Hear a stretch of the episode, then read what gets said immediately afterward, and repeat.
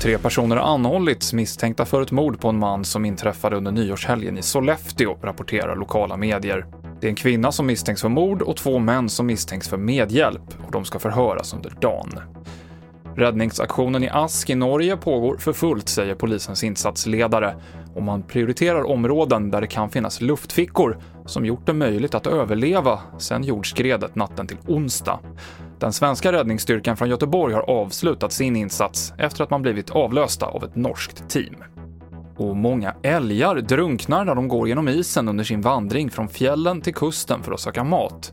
Den ovanligt varma vintern hittills ställer till det, säger jägaren Tobias Lundmark i Sorsele. Ja, det som har ställt till är väl egentligen att det är så jävligt svaga isar. Så att nu då älgarna kommer, de har ju en jävligt stark drift att vandra ut till kusten här uppe. Så det som hände då de kom hit där de ska passera då Vindelälven här är att det är jättesvag is och de går ut och går ner sig och många drunknar tyvärr. Och man har nu ställt ut foder för att få älgarna att stanna på land ett tag till. Bara det lilla för att försöka hålla kvar dem några dygn. För jag kan rädda många bara att man får får kvar den på plats ett litet tag till.